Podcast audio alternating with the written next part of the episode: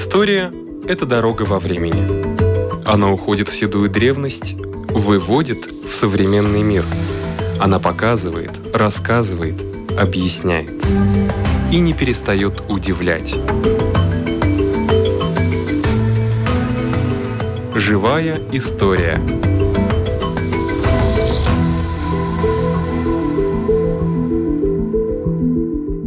У микрофона Лидия Чера.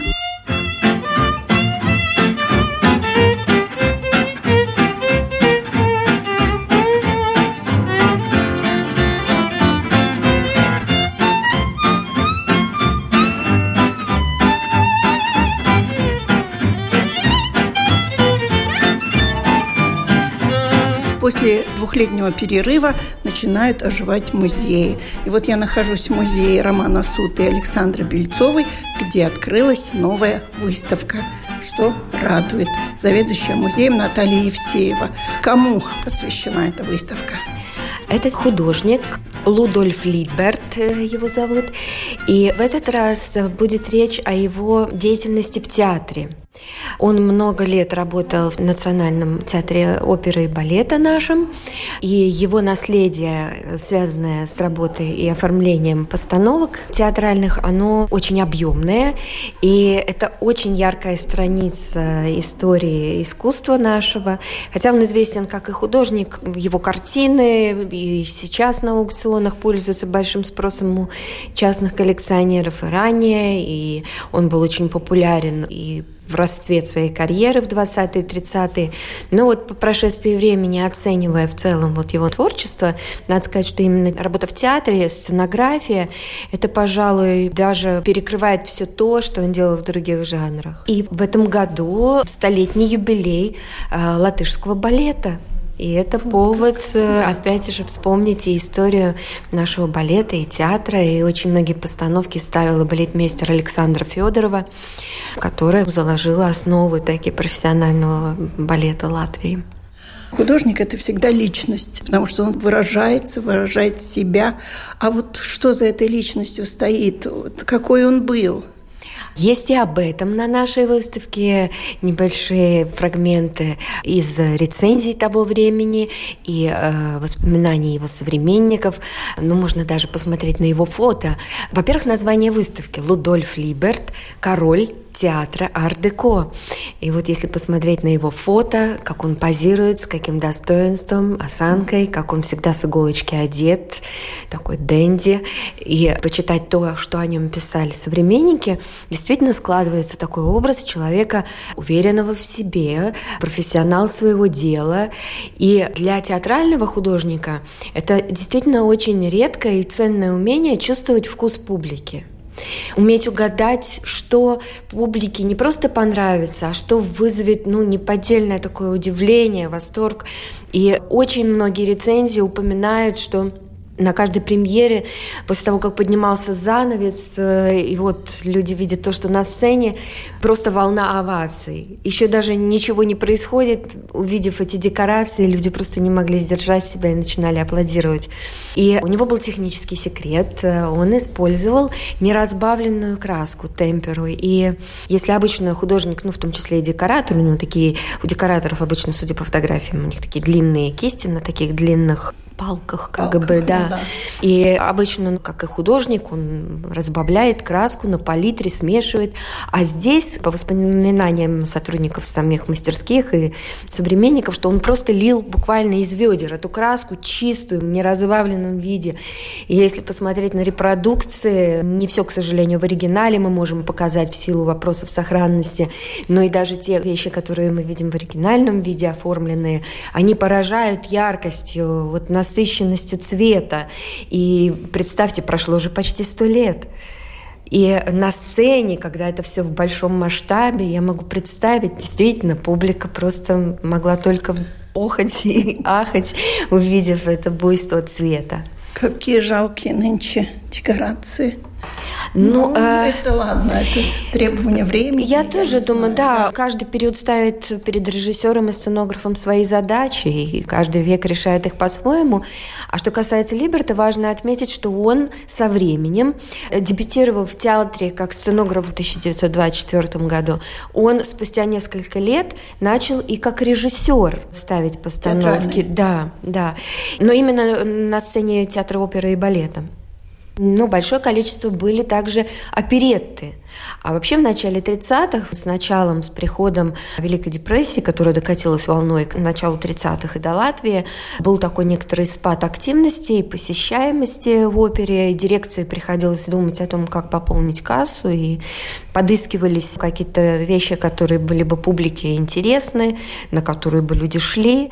И постепенно оперетта занимает важное место в репертуаре, и даже критика потом началась на этот счет, где приводились цифра о том, что, скажем, из всех постановок две трети, две трети – это вот легкий жанр оперетта, и только одна треть – это серьезные классические постановки и балет.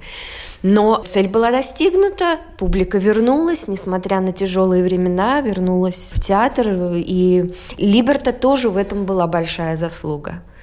Либерт – это псевдоним – нет, это вот его настоящая такая настоящая фамилия, да. И откуда такая фамилия, из какой района Латвии, или это все-таки из немецких корней, я так понимаю? Ну, он сам из э, Маданского уезда, из района Маданы, Тирзас Пагаст, Волость. Волость, наверное. да. Волость, Тирзас. Да, его отец пивовар, мама домохозяйка, но повезло ему как-то в жизни так, что художники ему даже с детства вот эти Были встречи, близки, да? встречи как-то, да, вот он с детства был знаком с художником Валдемаром Зелтынем, Зелтынш, который жил там недалеко, и там уже для какого-то театра он что-то рисовал, и мальчик это видел. И как-то вот он приобщился с раннего детства, проявился этот интерес. В 1907 году семья переехала в Ригу. И здесь... Э, здесь он, уже художников больше да, было. Да, и он начал э, заниматься э, в студии Юлия Мадернека. И у, у Мадернекса вот это влияние на Либерта ощущается и позднее, вот эта любовь к орнаменту, к декоративности, и даже в названии, то, что мы говорим ар-деко, король театра ар-деко, не случайно, потому что действительно самые яркие его постановки, они выполнены в этом стиле. И можно видеть, что вне зависимости от того, скажем, постановка посвящена тему Дальнего Востока или Ближнего Востока, или это Европа, или даже Нью-Йорк, современный город. Везде он как-то вплетает эти ритмы ар-деко, подчеркивает вертикальный ритм или какие-то, скажем, растительные орнаменты, которые как такими волнами водопада спускаются вниз, а водопад – это тоже типичный мотив ар-деко, или какие-то геометрические моменты и орнамент. Это все он вплетает органично, сочетаясь с темой самой постановки, и просто это, ну, выглядит вот как действительно... Феерично как... прямо. Да. Вы рассказываете, их... я представляю. Да, и хрестоматийные просто образцы ар-деко.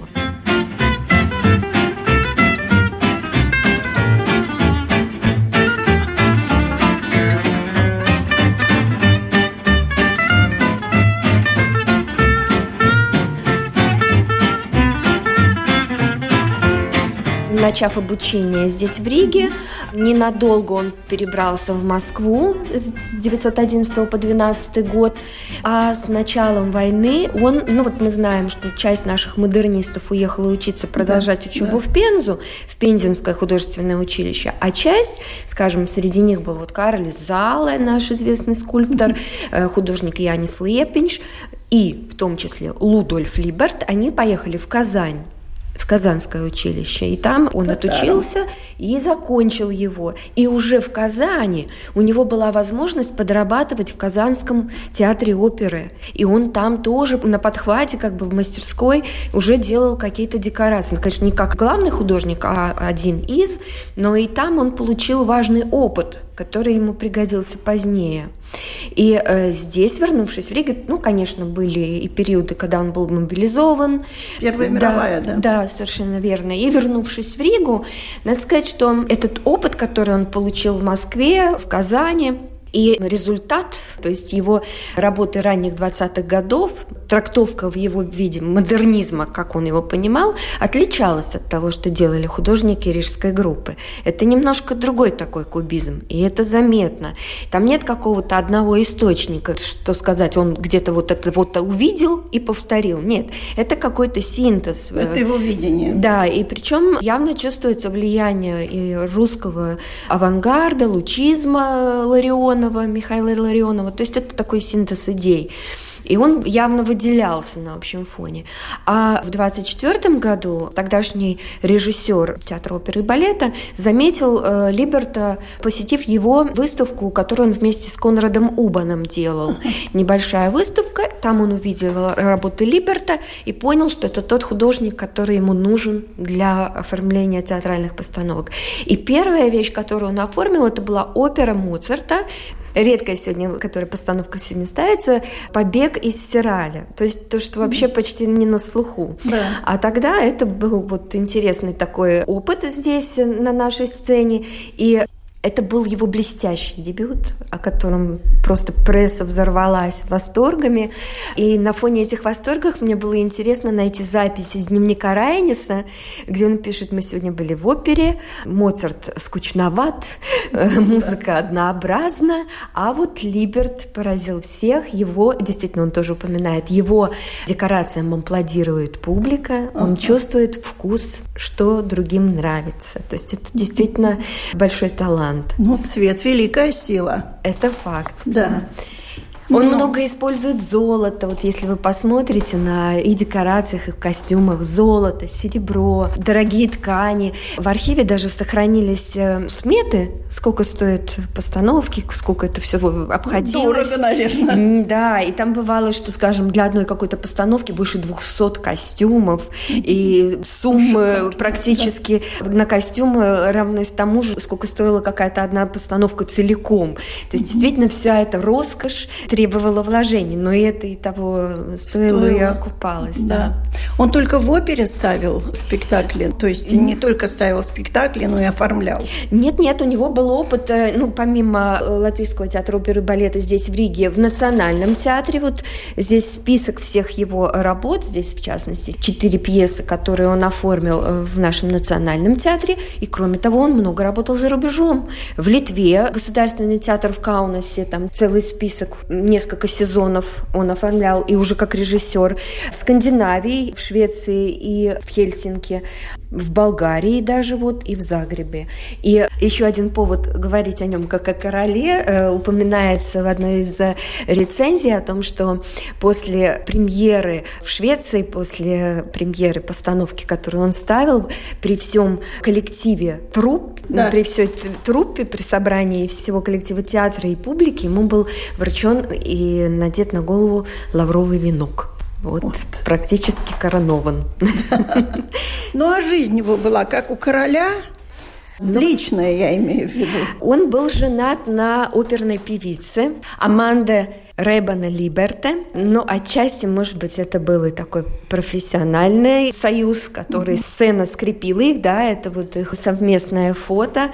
И надо сказать, что даже в тех случаях, когда постановку оформлял другой художник, но его супруга, скажем, солировала или какую-то ведущую партию исполняла э, в этой постановке, он именно для нее отдельно создавал костюмы сам. То есть всю постановку другой, а для нее единолично он тоже То делал. есть союз и творческий был хороший. Да, совершенно верно. Ну и тут тоже воспоминания современников, что вот он был действительно, даже вот во времена войны, даже вот в какие-то трудные годы, будучи скитаясь там вот по России, он всегда был одет с иголочки, очень следил за модой, и это была его такая, ну, слабость, скажем так. Женственные мужчины вообще, ну, хотя это не совсем женственность, Скажем так, посмотреть. он элегантен, да. вот если вы да. посмотрите, действительно такой образец стиля, я бы сказала. Прожил долгую жизнь? За 60. Ну, не сильно, не ну, сильно. Ну, для 20 века, может, и не так мало при всех этих э, До Второй мировой не дожил. Дожил, дожил, в 59-м он умер. В 59-м году. Но он э, отошел от дел, наверное. Вы знаете, эмигрировав ближе к концу Второй мировой войны, эмигрировав, э, он, ну, все его лучшие вещи были сделаны здесь, созданы здесь. А куда он эмигрировал? Ну, через Германию, как и многие, и угу. в Америку потом. Надо сказать еще один момент такой важный. У нас вообще не так много художников в Латвии, у кого в то время была персональная выставка в Париже. О. Вот Либерт один из них. И здесь даже есть одна из декораций, вот та, на которой его рукой внизу написано «Париж». То есть вот это та самая работа вот тут, которая была э, на выставке в Париже. Вот да. это. Это декорации для пьесы такого Гейбеля, может, малоизвестного, «Юдивь». Ну, известный сюжет э, да, ветхозаветный, да. надо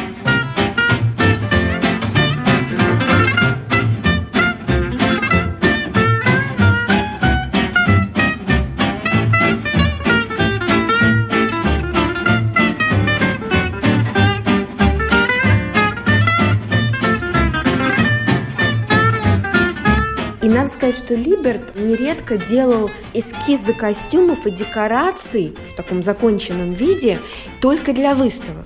Не для того, чтобы именно для театра использовать, а, скажем, вот пример тому, костюмы для балета Шахерезада – 27 годом датировано, его рукой это подписано на самом эскизе.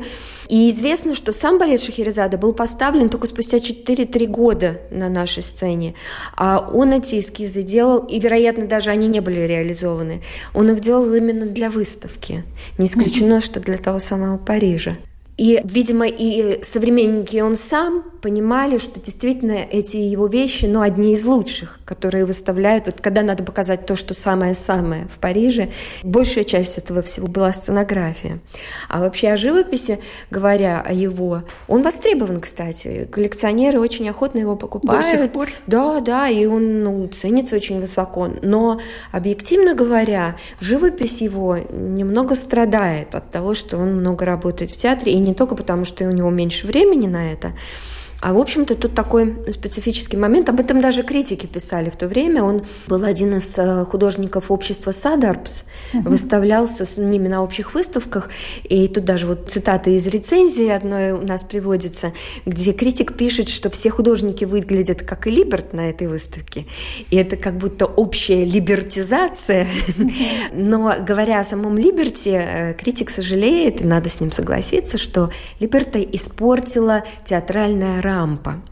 Имеется в виду, что вот эта тяга к внешним эффектам для живописи, который сам по себе жанр камерный, искусства, она да. может быть не очень органична.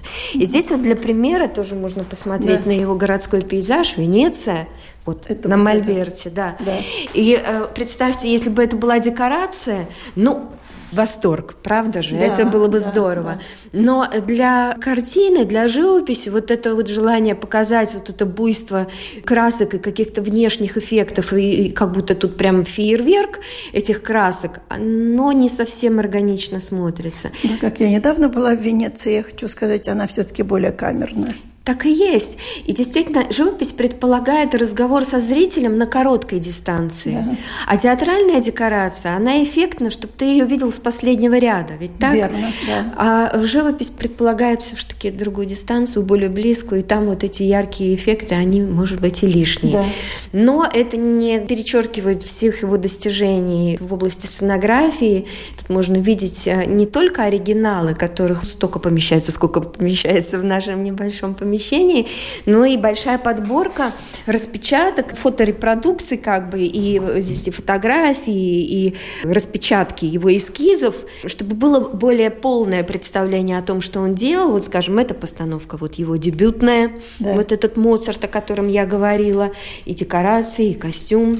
И кроме того, для особо таких, ну, может быть, сегодня малоизвестных постановок есть и описание либретто не только полные ну, да. данные, кто поставил, кто постановщик, кто режиссер, кто балетмейстер, но и год премьеры и день премьеры, чтобы было примерно понятно, но и описание, о чем это. И угу. отзывы критиков. И есть вещи, которые сегодня всем известны, даже Кармен или Аида, но и вот такие малоизвестные, скажем. Ну и э, мы старались подбирать все так, чтобы действительно оправдать название выставки «Ар-деко». Вот э, оно в полном э, расцвете. И э, здесь, например, это опера «Спридвитис», латышская тематика, да. и тем не менее вы видите зигзаги, да. э, вот все эти мотивы, ну... Ну, цвета тоже И цвета наши. в том числе, да. И как практически любая тема, в его обработке превращается вот в, в такое искусство. искусство высокое, да, и да. пример такой яркий пример ардеко.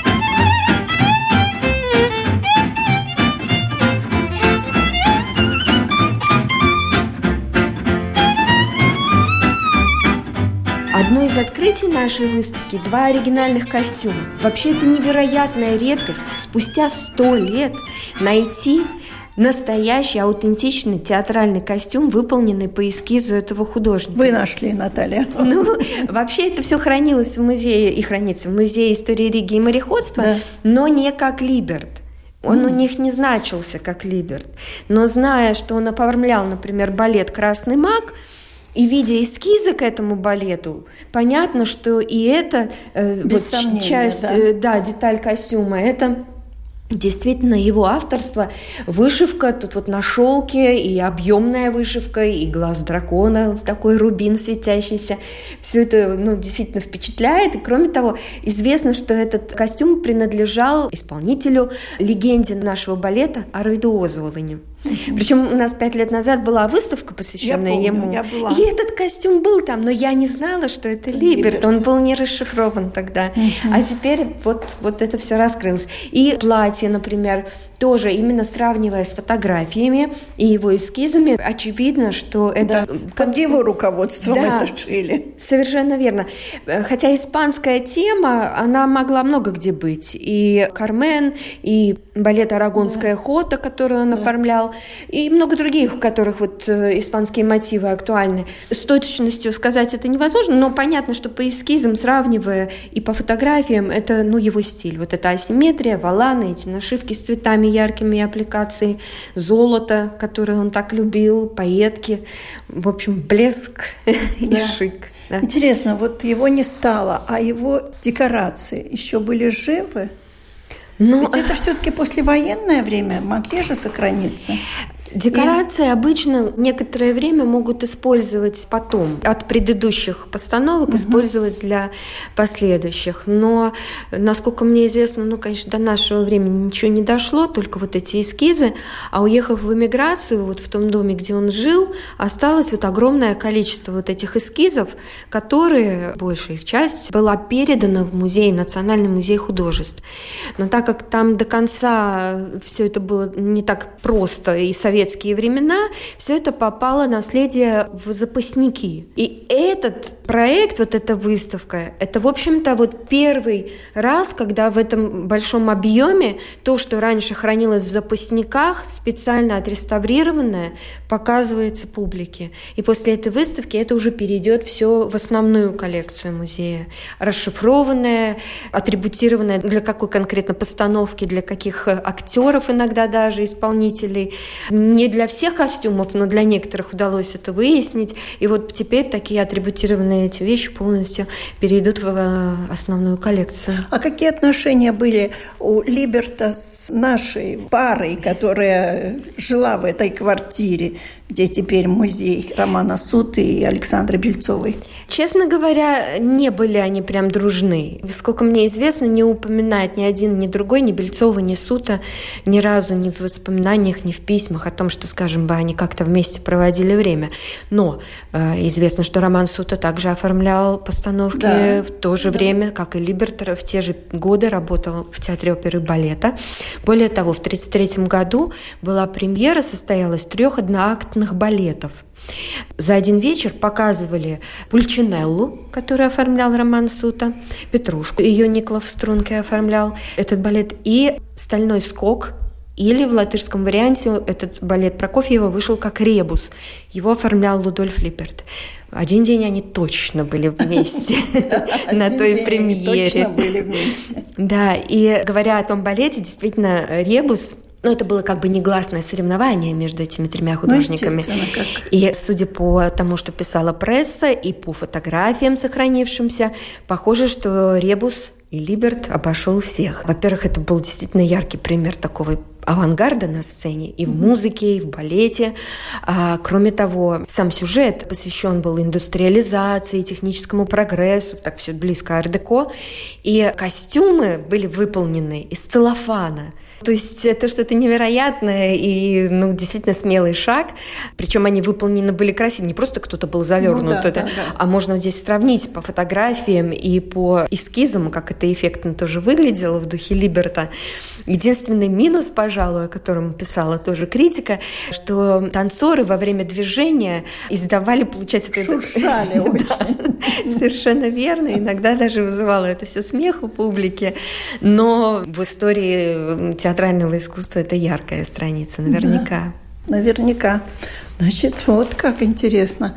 Это уже ближе к нашим дням, я так понимаю, раз а, целлофан. Ну, 33-й год, 1933 год, да. может быть, и не так близко, но Нет. вообще, надо сказать, Либерт стремился внести что-то новое, приемы технические в том числе, и начались времена, когда использовали кинопроекторы, для театральных постановок. То есть сегодня, может быть, э, ну, это кажется, что... А тогда синтез театра и кино, кинематографа, но это было в новинку для людей. Они не сохранились, э, снятые какие-то кадры кинохроники? Ну, вот именно кинохроники нет, но фотографии есть и описание есть скажем, в каких моментах, когда включался этот кинопроектор. Про отдельные постановки такие данные есть, что, скажем, вот там, это была опера «Джонни играет», это джаз-бенд, это все действие происходит mm-hmm. вот в современном мегаполисе, чернокожий музыкант, э, джаз-бенд, и там yeah. украденная скрипка, в общем, все закручено очень лихо, и в финале там поезд должен был переехать одного из героев, и вот на сцене появлялся, как из кинохроники, этот поезд, который должен был задавить этого героя. Ну, эффект, вероятно, был почти да. такой, как э, во времена премьеры первого фильма. Да, да, да наверное. Ну и надолго эта выставка у нас здесь задержится? Скажу честно, надолго. В такие времена сейчас, что менять выставки часто, мне кажется, не совсем целесообразно. Выставка продлится до конца года, но так как э, все эти вещи выполнены на бумаге, а экспонирование графики вещей, выполненных на бумаге, требует определенных условий. И долго их держать на свету нельзя. Поэтому через полгода оставаясь в той же теме, говоря о том же Либерте, то, что на стенах мы заменим. И будет другая, другая подборка, которая уже подготовлена и ждет своего часа. Спасибо. У нашего микрофона была заведующая музеем Романа Суд и Александра Бельцовой Наталья Евсеева. А на этом наша передача заканчивается. Всего вам доброго.